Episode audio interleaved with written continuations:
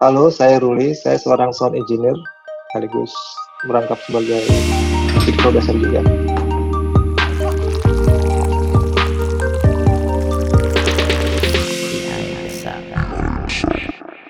Welcome to Behind the Sound episode ke-16. Podcast dari Shoemaker Studios di mana saya, Moko Aguswan, berbincang-bincang dengan sosok pelaku industri di mana karya mereka akrab kita dengar, namun mungkin kita belum pernah mendengarkan suara mereka. Via Valen, Syahrini, Gugun, The Winner Band, Dadali Band, Papinka Band, Asbak Band. Kalau dihitung secara streaming views, karya Ruli Ahmadi sudah di-stream hampir 1 miliar views. Landscape musik dangdut dengan norma takdut digiring menjadi lebih pop, diterima di semua kalangan. Ruli, buat saya, adalah seorang game changer. Yuk, simak perbincangan saya dengan Ruli di Behind the Sound. Buat gue, yang lo kerjain selama ini tuh keren Rul dan gue ngomong gini bukan bullshit ya menurut gue uh, kalau denger hasil-hasil yang lo kerjain ada satu warna yang konsisten uh, kalau vokal selalu bening hmm. gitu instrumen selalu bening dan menurut gue lo orang yang menaikkan uh, derajat musik yang merakyat itu menjadi sesuatu yang kualitasnya bagus gitu menurut gue yang pas via Valen mulai rilis tuh respect orang naik banget sih akan apa yang lu lakukan. Tapi kebanyakan orang nggak tahu siapa yang ngerjain. Sebelumnya tuh lu mulai tahun berapa ya Rol Dan sebelumnya lu ngerjain apa aja? Kalau gua, gua sih uh, gua sama produser ini nih udah lama ya. Udah lama hubungannya udah lama jauh sebelum CV ya. Uh -uh. Jadi gue sering produksi dari awal-awalnya tuh Asbak. Hmm. Asbak band dulu, itu band gua dulu tuh. Hmm. Terus tuh ada lagi Dadali. Dadali juga sempat naik dulu. Itu tapi tetap apa namanya? Jalur jalur Melayu ya, jalur metal. Iya, yeah, yeah. lagu komersial untuk kalangan CD lah. Yang kayak gitu lah yang dikerjain. Itu tuh itu tahun 2009 dulu awalnya, 2008 2009. Hmm terus ada via via friend juga masuk dulu uh, sekitar tahun 2012 2011 kali ya masuk tapi tetap uh, produksi jalan terus nah kan kita produksi itu banyak kan di pop ya bukan dangdut itu yang basicnya di pop. Kita nggak tahu dangdut. Nah, kebetulan yang bikin musik kita kita juga nih.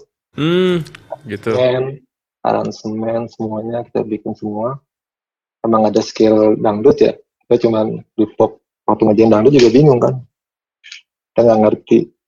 Udah bikin apa adanya aja. Kayak gitu. Konsep musik kayak gitu. Itu juga nggak pede awalnya. Ini cocok ya kena gak ya buat di pasar? Cemplungin aja. Kalau yang terjadi sama si Via ya dari viral kan. Uh -uh. semua berbodong-bodong ikutin musiknya kayak gitu komposisi musik kayak gini mixingnya kayak gini dikasih rap lah segala macem. Jadi ya ternyata itu berhasil gitu. Terus terus?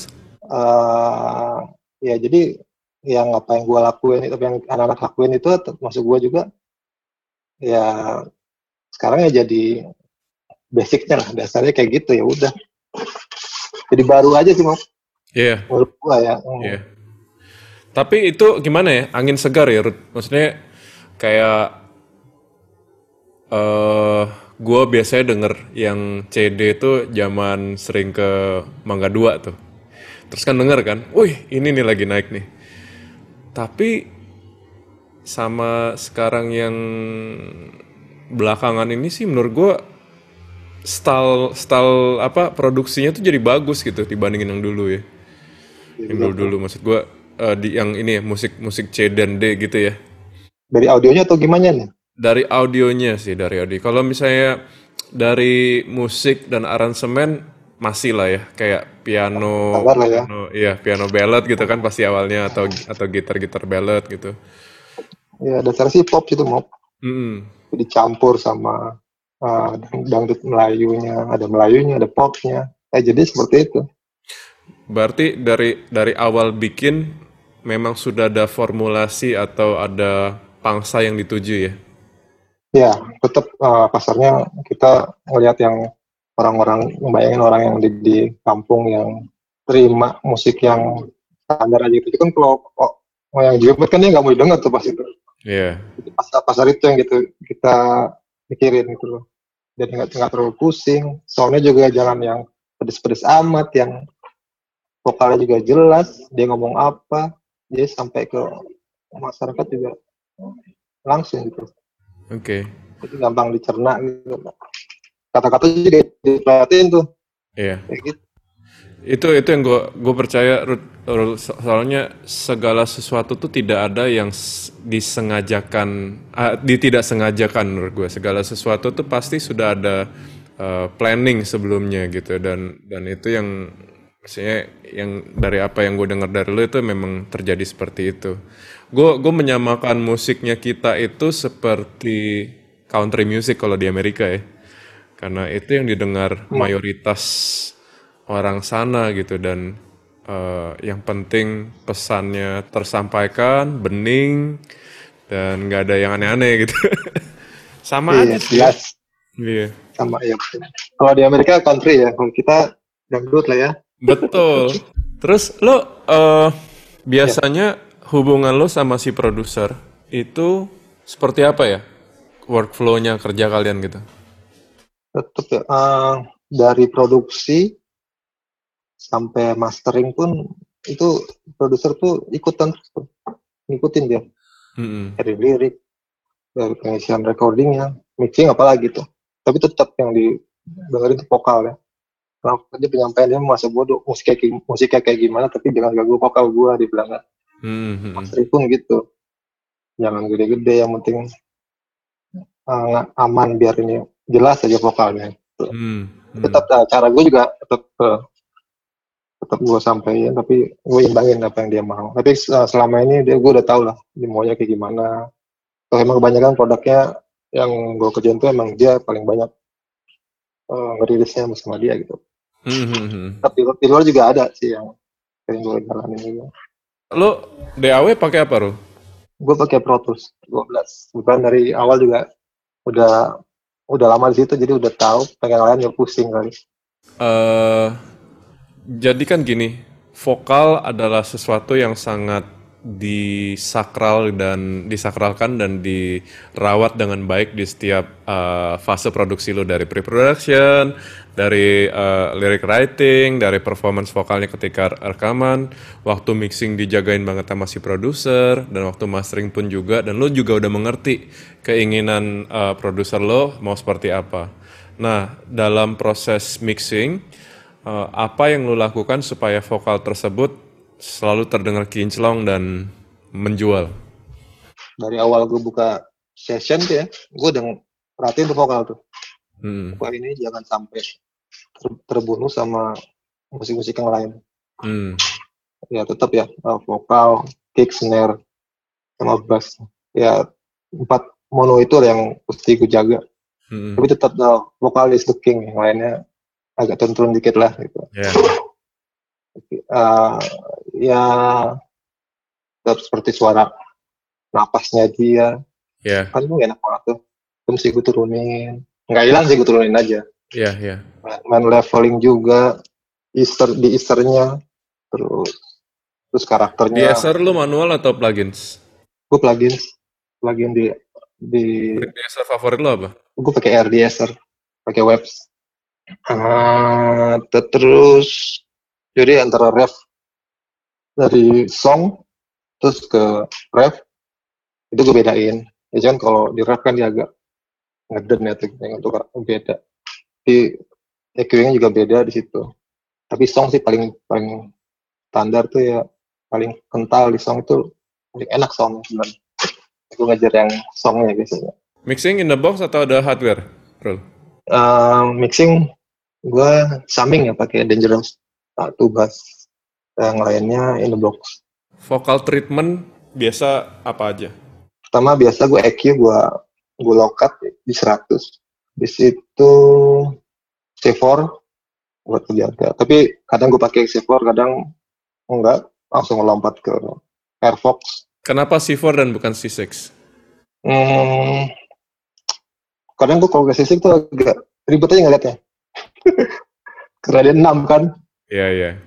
C4. Tapi nggak terlalu banyak sih, Mok, di C4. Karena di situ ada Airfox. Mm-mm. Airfox yang, yang nolongin gue itu. Kayaknya dari awal tuh gue pakai Airfox terus, jadi kalau nggak pakai itu, karakternya hilang. Kurang ke depan vokalnya kalau nggak pakai itu. ya. Hilang depan. Susah. Simpel banget. Habis itu baru uh, echoing lagi buttonnya. Uh, baru air Terus ya lainnya automation. Oke. Gitu. Seberapa lama automation lu lakukan per lagu? Hmm, automation lima kali putaran lagu lah. Oh, nggak nggak nggak nggak lama ya? Nggak lama. Kalau dalam satu lagu itu biasa lu mix berapa lama, Ru? Eh, mixing jadi empat jam lah, mau empat empat lima jam. Ba- berarti rata-rata lu yang ngawasin dari proses rekaman ya? Ya rekaman. Biarpun gue nggak ngawasin, kalau kalau udah jadi, misalnya ada yang kurang gitu, ada yang nabrak gitu, gue biasanya gue minta ke anak-anak buat pulang gitu nih, ada yang salahnya, mesti gue buang gitu. Kalau reverb? Reverb vokalnya, Iya. kebanyakan tuh pakai wave, reverb sama UAT UAT yang 24. Eh, kalau itu summing gue lempar ke aux ya, kalau di aux juga. Berapa channel yang lu summing? 16. Ya 16 kan itu kan eh, Dangerous tuh 16 ya, 8 mo- 8 stereo ya. Hmm, Jadi ada yang Ada yang mono kan ya? vokal, Ada monoin. iya ada yang mono. Mono kan 4 sisanya udah stereo-stereo kayak gitar sendiri, dari string sendiri, reverb sendiri. Jadi terpisah gitu. Tadi kita udah ngobrol soal hubungan sama produser ya. Kalau hubungan lu sendiri sama vokalisnya itu seperti apa? Misalkan sama Via gitu atau misalkan sama band-band yang lain gitu. Lu bertindak sebagai hanya sebagai recording engineer atau lu bertindak memakai topi music producer juga sehingga lu memberikan masukan ke performance mereka? Ada ada contoh yang lu bisa kasih nggak? Kalau gue sih di sini sih semu- semuanya mau engineer juga, eh musik producer juga. Contohnya kayak si terakhir via via kemarin itu, karena sih sekarang lagi pandemi ya, jadi nggak bisa ke mana-mana. Dia rekaman juga nggak bisa ke Jakarta. Jadi kebetulan tuh terakhir kemarin pas lagi pandemi dia gue beliin alat recording, Mm-mm. Dia beli, beli mic vokal, beli sound card segala macam. Jadi take di rumah. Jadi dia nggak bisa operate. Mm-mm. terpaksa gue yang ngoperate jadi gue eh, ini apa namanya nge-remote Iya iya iya. jadi gue yang eh, jagain vokalnya ya udah deh standby di depan mic aja dia nggak ngerti tuh ngerekodnya ngerekodnya gimana yang bekasnya tuh gue dari, dari Jakarta dia di sidoarjo Pakai time viewer. enggak gue pakai VNC Oke, oke. Dia berarti dia pakai Pro Tools ya? enggak eh, karena dia di posisinya di sidoarjo kan musisi-musisi sana kan banyak kan pakai Steinberg ya Oh iya iya. Cubase gitu makanya dia gue beliin Cubase Pro 9 Sebenarnya Cubase buat remote lebih canggih dari Pro Tools. Kemarin gue ban apa eh, banyak ngobrol sama Ari, produser Tulus ya, sama Yura. Eh, jadi Yura sama Tulus juga dibeliin mikrofon sama sound card gitu. Nah, Ari bisa pakai Cubase Connect tuh, Rul. Ya betul. Tapi cuma dua, cuma stereo, oh, Ah, cuma dua stereo aja. Jadi jadi kita nggak bisa eh, channel mana yang kita apa namanya transmit gitu. loh. hmm, Jadi kalau kita kalau kalau cuman stereo aja kan paling kita grup ya. Channel itu kita dengerin ke kita. Agak repot sebenarnya. Ada lagi tuh yang pro-nya sebenarnya, versi Hmm. pro-nya. Jadi agak lebih banyak track yang kita mau eh, remote. Makanya gue pakai ini aja, nge-remote PC aja. Jadi ya antara Mac dan ya maksudnya antara komputer. ya. Jadi gue bisa bebas. Tapi audionya tetap gue lewat ini. Audionya gue pakai eh Audio mover. ya audio mover. Hmm. Betul. Berarti lu rekamnya di punya dia atau di punya lo? Jadi ya, Oke. Tapi lu monitoringnya via audio mover ya? ya monitor audio mover. Oke, berarti terus si Via-nya juga dapat stereo mix yang dari dari lo berarti ya? Nah, yang gue balance gitu. Itu selama pandemi tuh hampir seminggu ada kali sekali semalam. Seminggu sekali dia rekaman. Bahkan yang semalam sebelum kejadian dia mobilnya dibakar, kalau kalau tahu tuh, nah itu semalamnya sama gue tuh. Besok paginya dia syuting buat cover yang gue rekam itu, lagu yang kita gue rekam, iseng ini dibakar. Kalau dari cerita lo ya, kan banyak kan uh, karena lo in charge dari A sampai Z-nya, berarti lo bisa ngebersihin atau ngejagain dari awal ya, Rul ya. Jadi ya. masalah yeah. mix itu mestinya cuma masalah meneruskan dari dari keinginan awal kan ya. Iya betul. Challenge lo kalau dalam konteks uh, band nih. Kan berarti lu nanganin tadi lu sebut Dadali Band sama Papinka Band the winner ini kan uh, si itu ya siapa namanya? Posan. Ya Posan. Hmm. Posan berarti di di di di label ini juga? Enggak beda. Beda. Nah approach lo kalau kayak band kayak si Posan seperti apa Ru?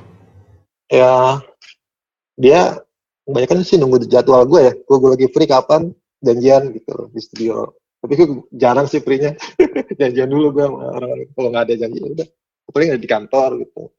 Terakhir juga uh, si Gugun juga ada proyek sama gue juga tuh. Sama mixing mastering juga. Hmm. tapi dia bukan BBS-nya dia dia yang sendiri solo. Hmm. menurut lu sendiri sound Ruli itu apa sih? Gue suka yang clean clean yang bersih gitu. Yang jernih gitu lah. Jadi ya gue dulu dari kecil seneng banget dengar sound yang kinclong gitu, cring gitu. Jadi ke bawah sampai sekarang itu loh. Jadi mixing juga sampai gue bersihin itu kotor-kotorannya, noise-noise-nya. Seneng banget sih gue. Sampai ada treble-treble dia tuh enak aja. Jadi kelas atas dari soundnya. Biar musiknya musik dangdut ya. Untuk seorang Gugun dan Winner bisa ke lu, uh, kenapa mereka terus balik ke lu? Berarti kan ada satu kepuasan ya, Rul. Uh, dan dan dan apa yang lo berikan ke mereka yang treatmentnya apakah sama dengan yang lo kerjakan biasanya atau beda?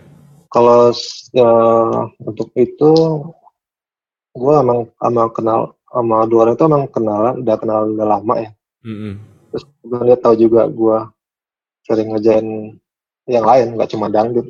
Mm -hmm terus sama ya gimana ya ya mungkin emang gue sih jarang lagu-lagu rock ya yeah.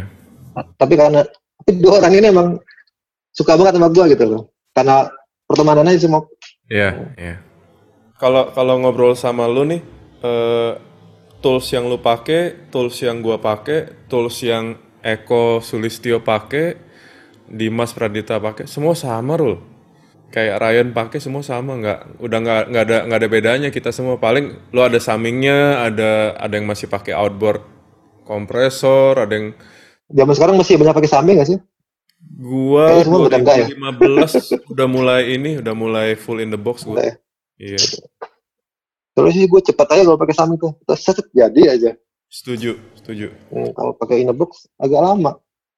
Hmm, berarti kalau lu mastering uh, apa aja yang lo pakai? Karena gue mixing sendiri, terus di situ mastering sendiri. Yang gue lakuin di mastering nggak banyak berarti kan, karena dari awal udah gue gambar. Di mastering tuh gue di white, di widening aja, di white terus di cut di mono hilau mono itu gue cut. Hmm. Terus uh, eh, gue kasih apa? Uh, kramer ya? Tape ya? Ya, tape. Terus limit kayak gitu. Lo ada loudness yang lo kejar? Loudness yang gue kejar di sekitar 9, 10. Loops ya? Atau RMS? Loops. Tapi kan juga, uh, enggak, gue nggak beda-beda kalau mastering. Kayak buat iTunes segini, uh, Spotify segini, YouTube segini. Gue mah kejar sama aja. Soalnya agregator cuma mau terima satu satu data kan mereka nggak nggak kayak oh untuk untuk Apple Music ini minta lagi untuk ini minta lagi enggak satu doang yang yang mesti kita upload iya iya betul betul jadinya gue pakai standarnya Apple aja karena Apple yang standarnya udah ketahuan gitu kalau Apple kan udah pasti kayak TruePic-nya minta min 1, terus Hmm. dia pasti minta 24 bit. Nah, gua 24 bit gue gue pukul rata. Hmm. Eh, paling kalau kayak CD Baby sama DistroKid masih minta 16 bit. Kalau sampai ada klien yang minta 16 bitnya baru gue kasih 16 bitnya. Tapi kalau enggak, gue biasa 24 bit aja masternya. Terus boleh tuh coba gua. Emang kalau lo diminta masternya banyak? Enggak satu aja, Satu aja. 16 bit. Iya. Hmm. 441. Terus kita juga yang upload. Iya. Hmm. Sebelah gue yang upload tuh. Mantap. Untuk tulisan digital. Iya. Gue juga nggak percaya tuh loves-nya Spotify min 13. Terus kalau gua notice pada melanggar semua sih peraturan itu. Nggak ada yang upload di min 13. Iya, banget ya. Gue kemarin ngecek di apa tuh audio, gue baru ngecek di audio apa tuh nama itu, di, eh, analyzer ya, loudness analyzer. Hmm, baru ngetes kemarin nyoba-nyoba. Uh, ternyata beda-beda ya. Spotify segini. Gua ada gua ngecek masteringan gua dulu yang tahun 2018 tuh yang apa namanya meraih bintang yang via Kalin. Itu emang gede banget itu. Itu dulu nama iTunes sampai 5 Iya. Kalau lo nggak nyalain loudness normalization-nya si Spotify, audionya pasti beda-beda. Dan Iya. Setiap platform punya loudness masing-masing. Hmm. Terus abis itu eh gue pernah coba ngerip lagu dari lo tau streaming platform namanya Tidal nggak? Aduh. Tidal. Tahu, tahu, belum pernah nyoba tapi. Enak banget itu. Tahu, Lo. tahu. Lo harus coba Tidal. Enak banget suaranya dibandingin Spotify. Apple aja kan lebih enak daripada Spotify itu. Iya, Apple lebih enak. Pas Ini lebih enak dari Apple. Tidal Lebih jauh lebih Apple. enak. Oh, Nah, gue rip tuh lagunya Sia sama Zayn Malik tuh. Hmm. Itu loops-nya min 4. iya. Tapi yang baru-baru sudah disiplin tuh loops-nya min 13. Oh, kapan terakhir tuh, Mak? Kayaknya sekitar dua bulan yang lalu ya. Ih, Jadi itu kalau kita nge itu balik ke awal yang kita kirim atau emang udah sudah tuin sama dia deh?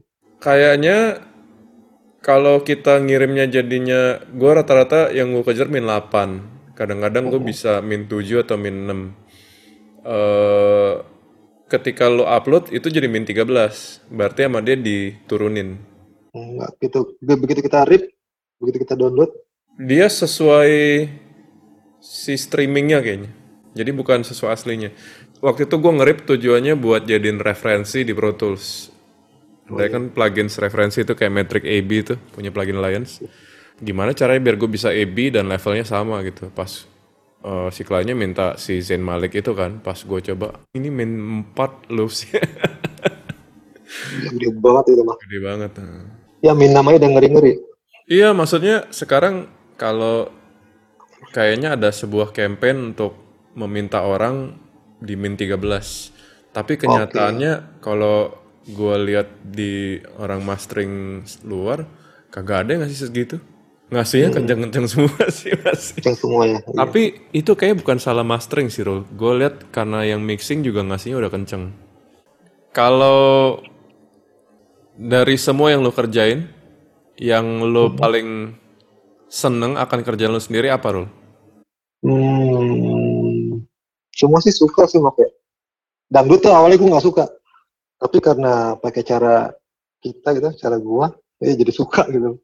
Dulu gue suka banget soal-soal gedang takung tangtung tuh. Itu sekarang udah looping aja. Tapi loopingnya juga nggak terlalu gede. Koplonya gue bikin 40 persen. Iya, berarti kan kalau dulu-dulu kan kita sering denger ya, takdut is the king ya. Tapi di semua yang lo kerjain, gue notice bukan takdut sih, vokal sih yang Ya tetap vokal.